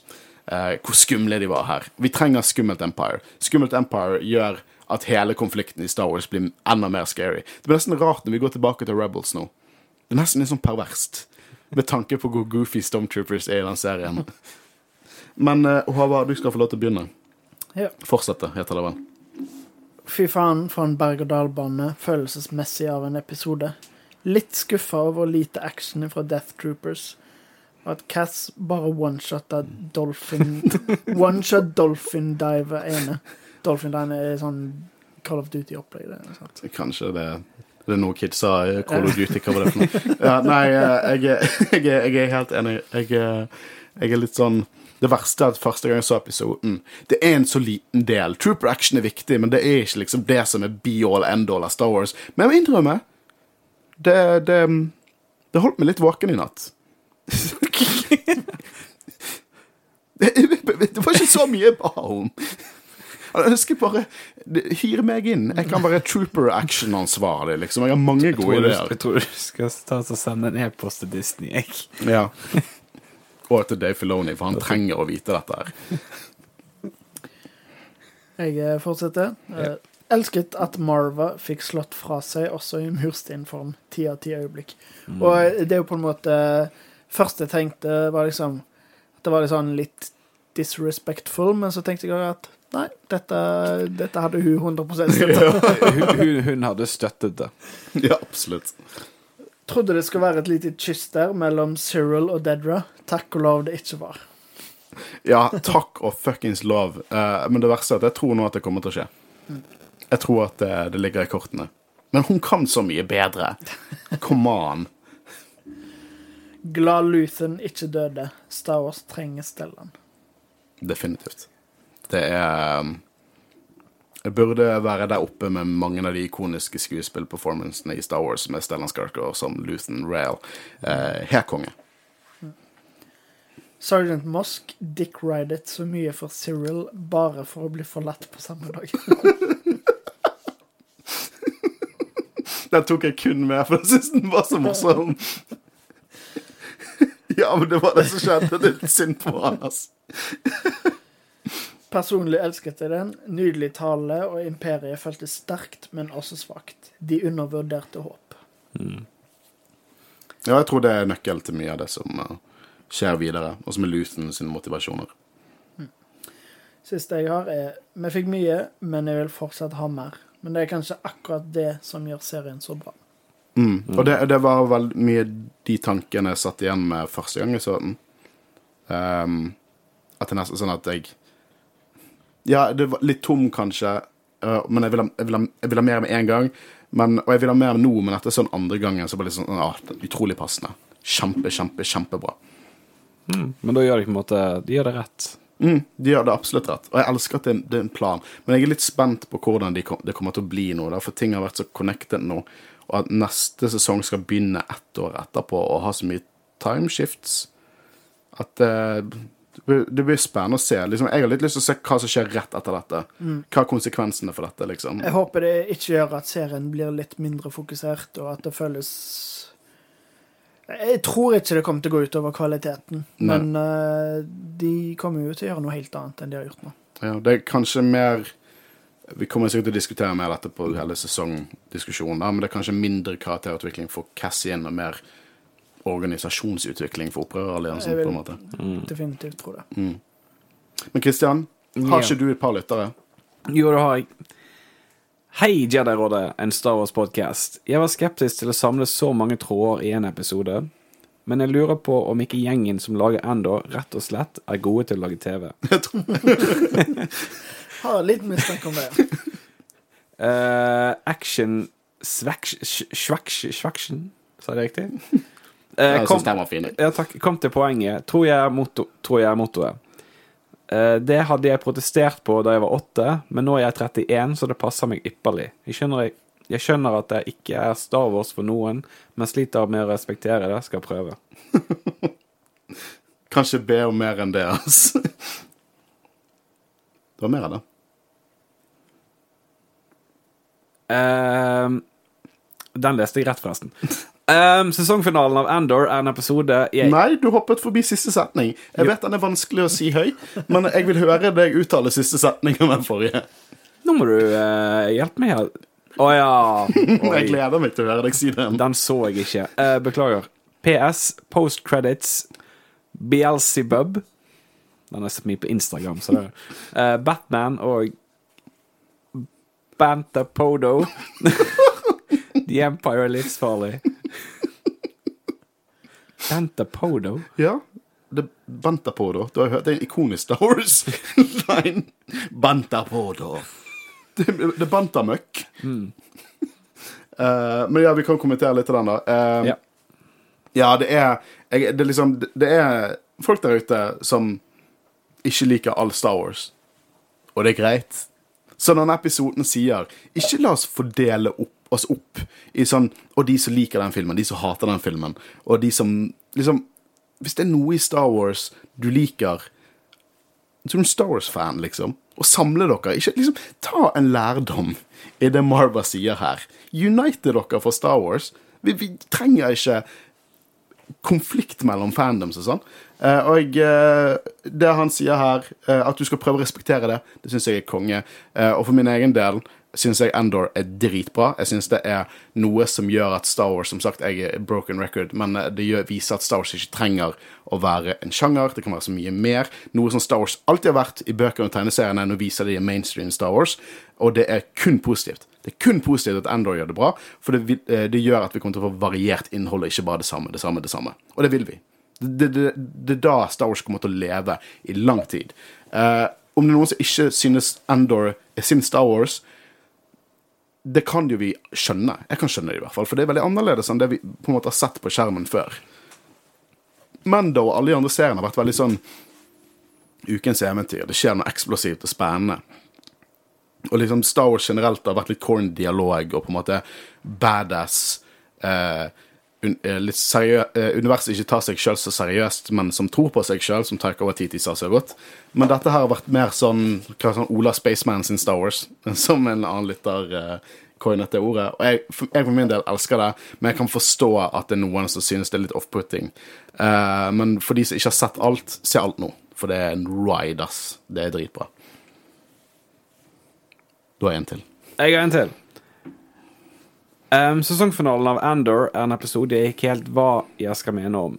Ti av ti serie, og muligens noe av det beste jeg har sett av Star Wars. Men denne episoden traff ikke helt hjem for meg, dessverre. Har satt, han har sett opp igjen eh, de tidligere episodene i forkant, og sitter igjen med litt tom feeling nå. Hadde kanskje forventet mer. De holder i hvert fall en del ting åpent til sesong to. Uh, cool looking smiley face. Men altså Canto Bite-referansen og Death Troopers utropstegn. Likte siste scenen med Luton og Andor. Likte også end credit-scenen hvor vi fikk se hva de har produsert i fengselet på Nakina 5, som jeg kalt. Caller du det? Nei, jeg skal gjøre meg. Uh, deler til fuckings Death Star er Jeg er for trøtt til å si dette ordet, men Nei, du okay. må si det. Er Java sikker på at sesong to kommer til å bli mind-blowing bra? Ja, det tror jeg òg. Det tror jeg òg. Java Um, sikker. Men du, uh, lytter. Uh, det du sier her, er litt den følelsen jeg hadde første gang jeg så den. Så hvis ikke du har sett den med en gang, se den en gang til. Og så, så fortell oss hva du synes. Liksom Send inn en ny PM. Og fortell oss hva du synes etter du ser den for den andre, gang. For min del så var det veldig effektivt å se den på andre gang, for det var så mye at det nesten overstimulerte Star Wars-sansene mine. Eh, men jeg virkelig kunne på en måte puste ut og se det eh, igjen, så virkelig traff det. altså. Jeg gråt ikke første gang, jeg gråt andre gang eh, jeg så det. Så, men ja, jeg også tror at, eh, at eh, sesong to kommer til å bli mindblowing bra. Ja, vi har, vi, har, vi har på en måte noen bekymringer med tanke på time jump og sånn, men eh, jeg tror det kommer til å bli bra. Jeg tror vi er gode hender. Jeg tror de har stålkontroll. Ja, det tror jeg. Og han sier jo her at han gir ti av ti til serien, så Ja. jeg er, han er blant de beste. Lytteren eller, eh, eller Ja, det er lytteren og Men eh, nei, eh, serien, men eh, det kan vi jo gå dypere inn på neste gang. Ja. Har vi noen oppsummerende tanker her, eller skal vi spare de til når vi dekker hele sesongen? Jeg kan sikkert spare det. Jeg eh, gleder meg til å se alt på ny. Jeg har jo bare sett eh, alle episodene én gang. Eh, egentlig litt for å kunne få en opplevelse av å se alt på en gang. Jeg, jeg, jeg, som sagt, jeg, jeg tror fortsatt at denne serien er litt sånn er mer binge-worthy enn kanskje Mando er. For Mando var litt det er, Når det er så episodisk der, så er det på en måte hver uke et eventyr. Jeg merket litt i min, midten av noen arcs i Endor at det var litt sånn ah, Kunne ikke de heller bare sluppe det tre og tre, sånn at jeg fikk i hvert fall en liten sånn semikonklusjon. Men ja, så jeg gleder meg til å se alt. Uh, hvis dere er nye her, for jeg vet at vi har fått en del nye lyttere nylig, og ikke har hørt alt vi har Når vi dekker en Star Wars-serie, så dekker vi det uke etter uke, og så uken etterpå, hvis vi får det til eh, Nå skal vi få det til. Så dekker vi hele sesongen i en helhet med oppsummerende tanker om karakterene, om hvor veien går videre, om det vi har sett. Så eh, det blir mer Endor for oss neste uke. Eh, og så etter det igjen Kommer vi til å grine? Vi skal ha Oscarsending uken etter det. Uh, og eh, så kommer det, som de to forrige årene, 24. desember, så kommer det en juleepisode. Eller kanskje første juledag, det er det vi pleier å gjøre. En juleepisode. Denne gangen skal vi dekke noe som ikke er canon. Vi skal dekke oppfølgeren fra fjoråret. Vi skal dekke Ewok Battle for Endor min E. Så det blir kjekt. Var det noe mer eh, jeg glemte? Nei, jeg jeg gleder meg til å se Ringnes herre-fortsettelsen, jeg. Ja, faen det, for det forrige Vi, Ja, vi- vi- vi paralleller. drar paralleller. Du, vi, vi var jævla innabords da når vi dro de parallellene. så hvem vet. Vi får se første gang Blurgs dukket opp i Star Wars. Det kommer jo til å være noe interessant å, å sette det har ikke, Jeg har ikke sett den, jeg. Den Ewok-filmen. Men nå er han på Disney Pluss, så stay tuned for det. Uh, men det var sesongfinalen av Endor. Mitt navn er Håkon Øren, og så sammen Havrus, Og Kristian Aspen. vi snakkes neste uke. Ha det bra. ha det bra. Ha det bra.